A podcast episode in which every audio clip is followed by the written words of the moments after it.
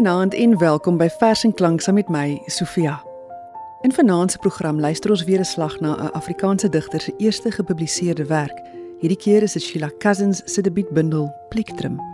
Cousins was een van ons mees vername digters. Haar skerp waarnemingsvermoë, klankgevoeligheid en 'n manier waarop sy kontraste, teenpole kon omarm, was maar net enkele faktore wat van haar 'n voortreffelike woordsmid gemaak het.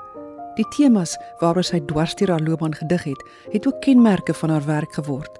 Veral haar voortdurende verkenning van die mens se ervaring van die godheid. By my in die ateljee is Jana Kreur en sy sit al op hete kole om 'n gedig vir ons voor te lees. Maar ek wil graag eers kortliks 'n oorsig van Sheila Cousins se lewe gee. Dan verstaan 'n mens ook beter watter belewennisse en mense 'n invloed op die skryf van die bundel Plektrum gehad het. Cousins is op 9 Augustus 1922 in 'n spoorweghuis naby Piketberg gebore. Haar pa was 'n stasiemeester en die gesin het baie rondgeskuif met die gevolg dat Sheila 'n nagenoeg 20 verskillende skole was voordat sy haar matriekjaar in Pretoria voltooi het. Daarna is sy met 'n studiebeurs na die Universiteit van Natal se Pietermaritzburg kampus waar sy in die skone kunste gestudeer het. Hier ontmoet sy 'n medestudent Stoffel Ninaber met wie sy in 1943 trou en sy maak ook in haar studentejare kennis met die Opperman wat in daardie dae 'n onderwyser aan die hoërskool Voortrekker in Pietermaritzburg was. Cousins het reeds as kind verse geskryf, maar meestal in Engels en dit was danksy Opperman se aansporing dat sy ook in Afrikaans begin dig het. Hy het as ware vir haar 'n mentor geword op wie se kritiek sy in die jare vorentoe sou staatmaak. Maar Cousins se fokus was in daardie stadium nog op haar skilderwerk. Na haar en Stoffel Ninaber se troue is albei oor see Sy het vir 'n ruk in Londen verder in die kunste studeer terwyl hy in Amsterdam gaan swat het. Toe sy later by hom aansluit, het sy verdere onderrig in die etskuns ontvang en ook as joernalis by die destydse Radio Nederland Wêreldomroep gewerk. Cousins woon ook in Amsterdam en P van Wyk Lou se lesings oor die Afrikaanse literatuur by en die twee knoop 'n verhouding aan. Haar eerste gedigte verskyn so vroeg as 1937 in die Taalgenoot In 1953 het sy 'n handvol verse bymekaar gehad wat sy aan 'n uitgewer wou voorlê. Die bundel, getiteld Dekade, se verse het sy as student begin skryf. Ruk later het nog gedigte geïnspireer deur haar jare in Amsterdam bygekom. NP van Wyk Lou het gereken dat hierdie keuse van 36 gedigte gereed was vir publikasie, maar Opperman se raad was dat sy, soos hy dit gestel het, die ryk baaierd van haar Europese ervaring eers verder moes verwerk. Die bundel Dekade het nooit die lig gesien nie, maar van die gedigte het wel later in ander bundels verskyn. So het dit dan gebeur dat Cousins eers in 1970 haar debuut gemaak het met Plektrum, uitgegee deur Tafelberg. Hoewel Cousins en Stoffel Ninaber in 1950 geskei is, het haar verhouding met Lou ook later doodgeloop en sy trou in 1956 met 'n Spanjaard, Juan Saladrigas, saam met wie sy by die radiostasie gewerk het. Hulle verhuis na Barcelona, het later twee kinders, albei seuns, en 'n baie belangrike ding in Cousin se lewe gebeur ook in Spanje. Sy neem die Rooms-Katolieke geloof aan. Ek sal die storie nou-nou hervat, maar wil graag eers vir Jana vra om die openingsgedig van Plektrum voor te lees. Die gedig het die staccato-styl van koerantopskrifte en is maar 'n kort vers, maar dit verklap reeds so baie van Cousins se manier van sien en die temas waaroor sy graag gedig het. In hierdie geval hoe die mensdom se eie optrede hom ver verwyder laat van 'n koneksie met God, maar ook die ewige hinkering na lewe en vernuwing. 1945 Europa lê in puin. 'n Swart koerantberig, staccato, stomp, 'n oggendteegerig. Europa is 'n krater in die firmament, niks meer. Maar deur die blokkies raaisel van verstarde staal tuimel die reëngrou duwe heen en weer, hinkerend na broeityd, neste op die plein en paring bo die swart verminkte kathedraal. 'n Aardsengel lê in die reën se glans en stil verteer die roes sy silwer vlerk, die kosmos van sy silwerbrein. Die gedigte wat in Plektrum verskyn is oor 'n periode van 25 jaar geskryf. Daarom lees die bundel ietwat onsamehangend. Vir my val dit egter nie met 'n vreeslike wanklank op die oor nie, want die klompie uiteenlopende gedigte dien as vingerhappies vir wat Cousins nog in die daaropvolgende dekades vir ons sou opdis. Plektrum raak verskeie temas aan. Daar's verwysings na engele, kunswerke, haar al ewige introspeksie en die belewing van die mistieke in alledaagse dinge. Ons maak ook in hierdie bundel kennis met die 12de eeuse Heloise, 'n meisie wat op haar leermeester Abelard verlief raak. Van meet af is dit 'n verbode verhouding, want Abelard is 'n teoloog wat celibaat moet bly. Die twee skryf vir mekaar liefdesbriewe waarin hulle ook intellektuele gesprekke voer. Die ooreenkomste tussen die ou verhaal en die verhouding tussen Cousins en NP van Wyk Lou het opvallende raakpunte wat albei meer as een keer in hulle onderskeie digkuns sou aanroer. Plektrum skets ook vir ons 'n prentjie van die Europa van die 1940s en 50s wat Cousins baie sintuiglik ervaar het. In 'n kort vers getiteld 'n geur, 'n smaak, vang sy Spanje vas in die jare net na sy burgeroorlog. My hande reik na Spanje. Soet nartjie, bitter amandel. Maar teen my tongpunt prik my huid subtiel die minerale steek van swart staal. Revolverkruit. Die paar jaar in Amsterdam het ook 'n vers opgelewer wat Cousins tipies kunstenaar met waterverfskilderye vergelyk. Jana, sal jy dit vir ons voorlees asseblief? Twee winter akwarelle van Amsterdam. Hoe eil is alle vensters, alles van die dag hier en ver van hier. Asof deur water kom die nag. Asof alleen met God en ek nie hier en niemand hier vloei straat en grag en naakte park in een. Onsigbaar dryf die winterson nog hier. Bewusteloos met blinde parels staar 'n drenkeling, 'n ongebore of vergete vuur. Fonkend oor die donker straat naal winterkinders en sproei die laaste verminderde uur met krete met kuise vuur.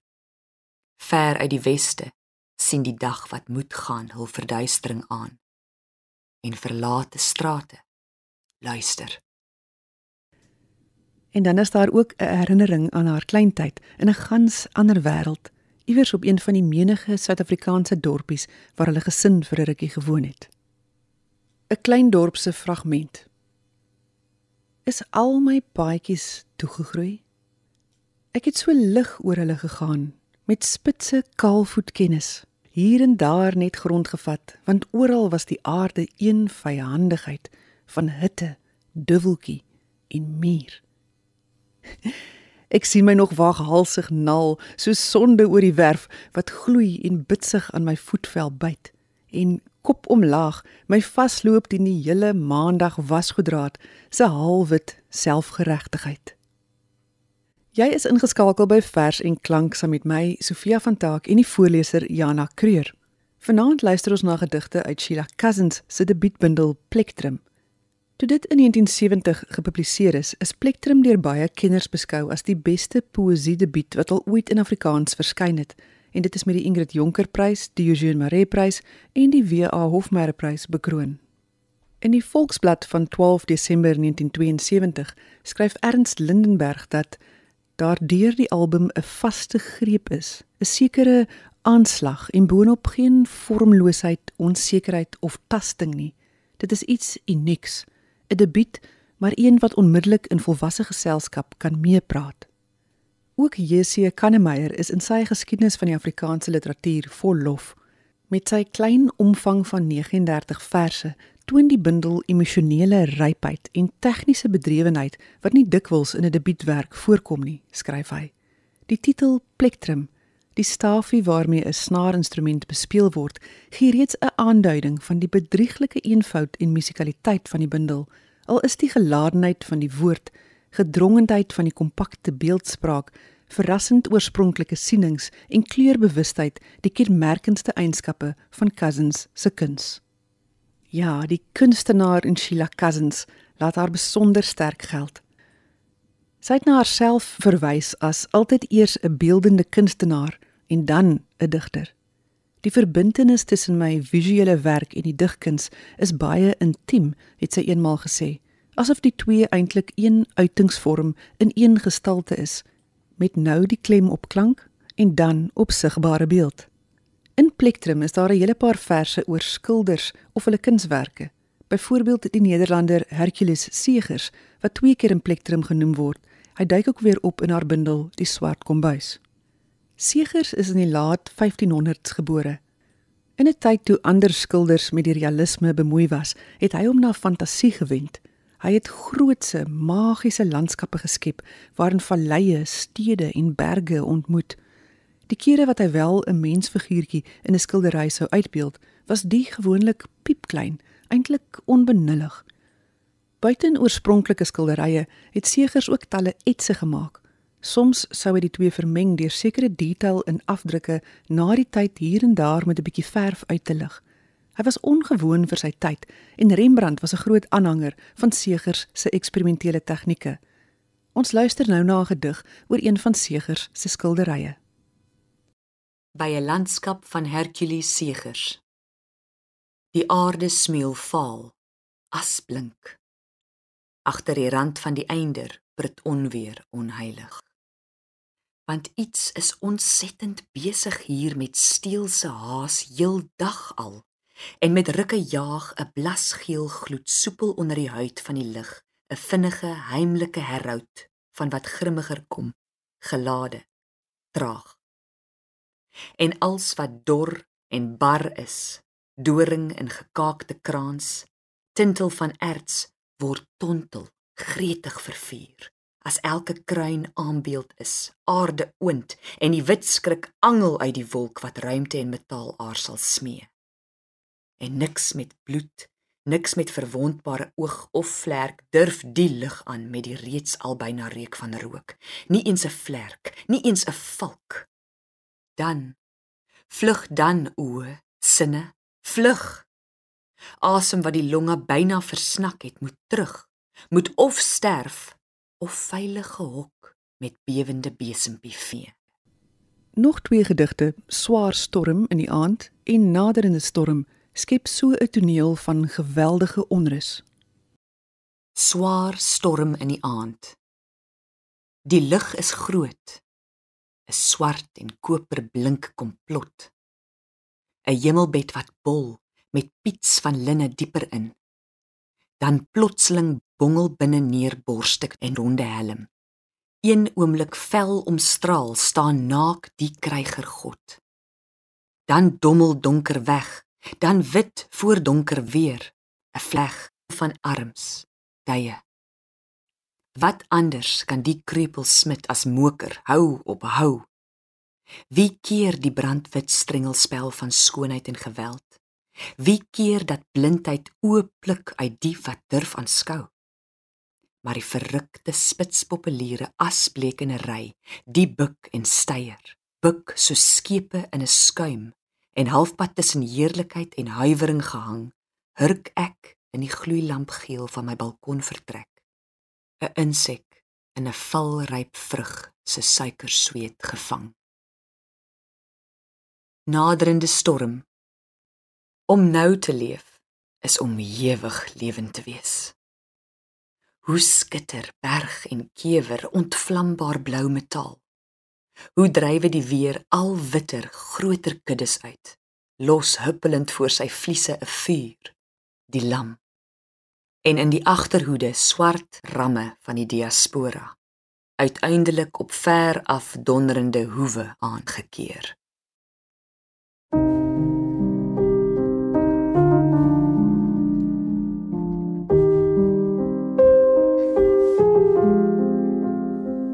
'n sterk deurlopende tema van Cousins is haar waardering vir die Rooms-Katolieke godsdiens se rituele, heiliges en oortuigings. Haar oeuvre is deurspek met voorbeelde hiervan. Volgens die Rooms-Katolieke leer moet die mens eers gelouter word deur pyn en lyding te ervaar alvorens hy nader aan God kan kom. Jy moet eers deur die een of ander vage vuur gaan om werklik vir God te kan ervaar. In Plektrum is die gedig Japanse skildery op sy 'n voorbeeld hiervan. Dis die vuur wat suiwer en die ruspe moet eers 'n dramatiese metamorfose ondergaan voordat hy weer kan herrys, die keer as 'n silwer verheerlikte wese.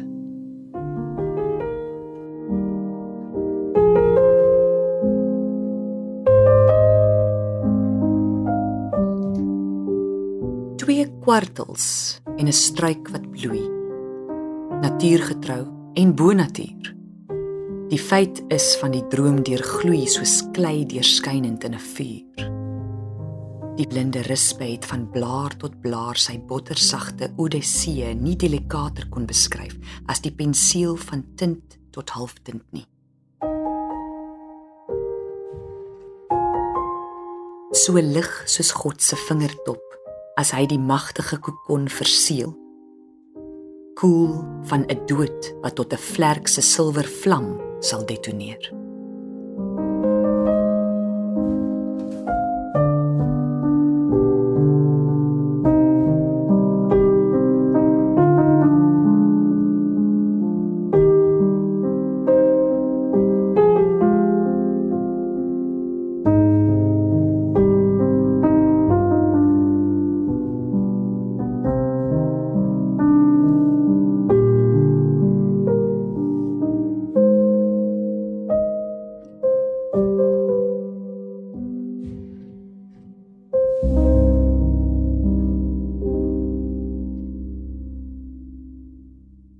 Kom ons neem nou eers weer Sheila se lewensverhaal verder.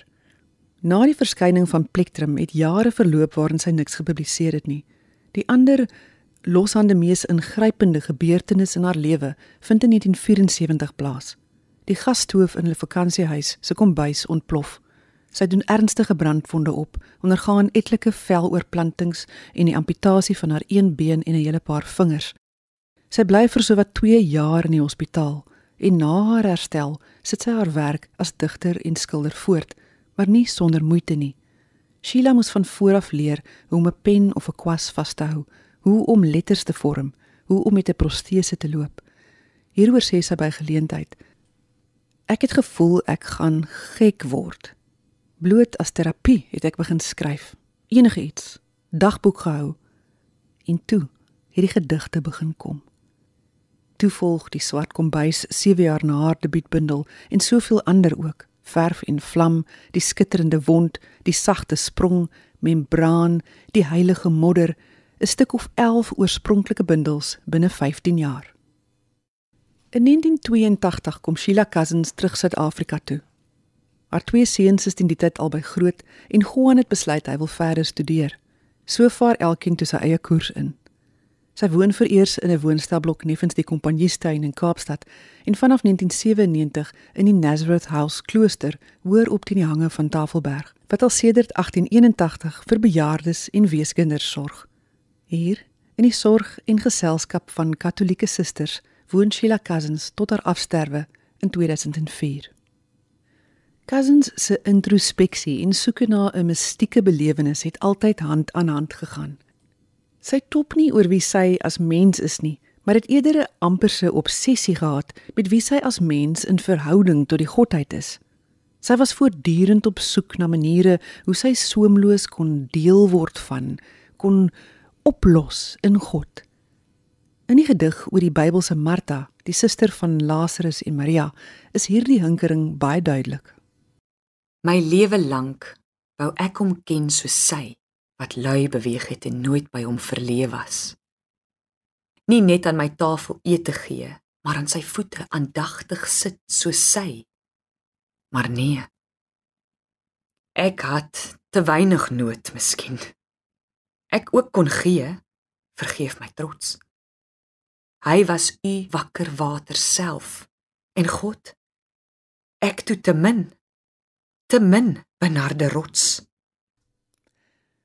Hier is Martha nog te trots en sy voel haar nood is nog nie groot genoeg of waardig genoeg om 'n koneksie met Jesus te mag hê nie. Maar weer eens stop Cousins se bepeinsing oor Martha nie hier in plektrum nie. In haar bundel Die skitterende wond is die gedig Ecclesia wat vertel wat later sou gebeur toe Jesus verby Maria vir Martha ook raak sien en haar op die naam nader roep. In daardie oomblik ervaar sy 'n gewone huisvrou, uiteindelik 'n intieme eenwording met God. Cousins het ook graag oor engele gedig. In Plektrum is 'n vers getiteld Laat Engel, waarvan ons die ekho 9 jaar later in die vers getiteld Engele in haar bundel Die sagte sprong aanhoor. Winter in 'n vreemde land. 'n sesde sintuig vlam in son en windelose ys. In lyne van my hand lê skerp die spore van sy gang.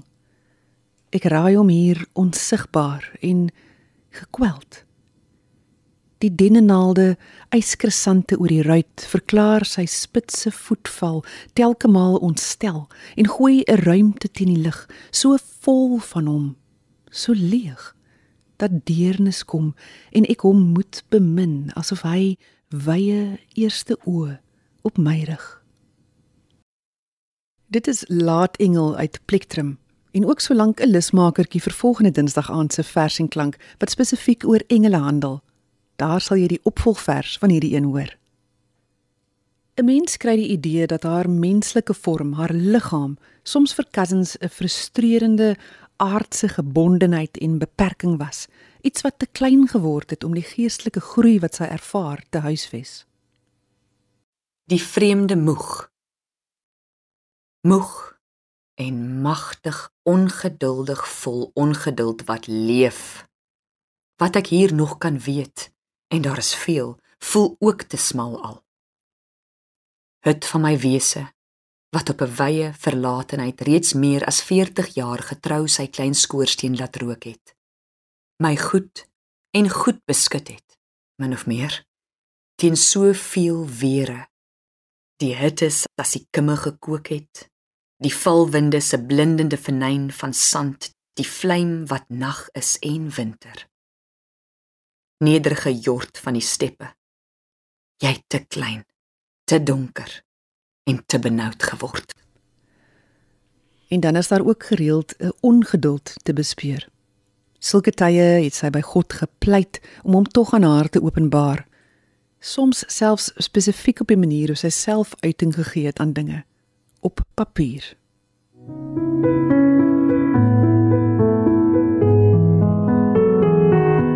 Versoek nie op die nog lewende perkament, die nog sagte van my voorkop nie. Nie om die oë waardeur bewussyn moet waarneem nie en verduur.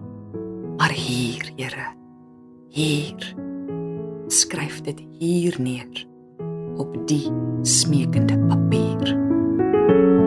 Sheila Cousins het eenmaal gesê: "Ek wil in my gedigte nie net met een generasie praat nie, maar vir die groot meerderheid skryf en soveel mense moontlik probeer bereik." Dit het sy gedoen. Sy het tot ons almal gespreek en haar gedigte gesels steeds met ons en met God. Ek groet tot volgende week.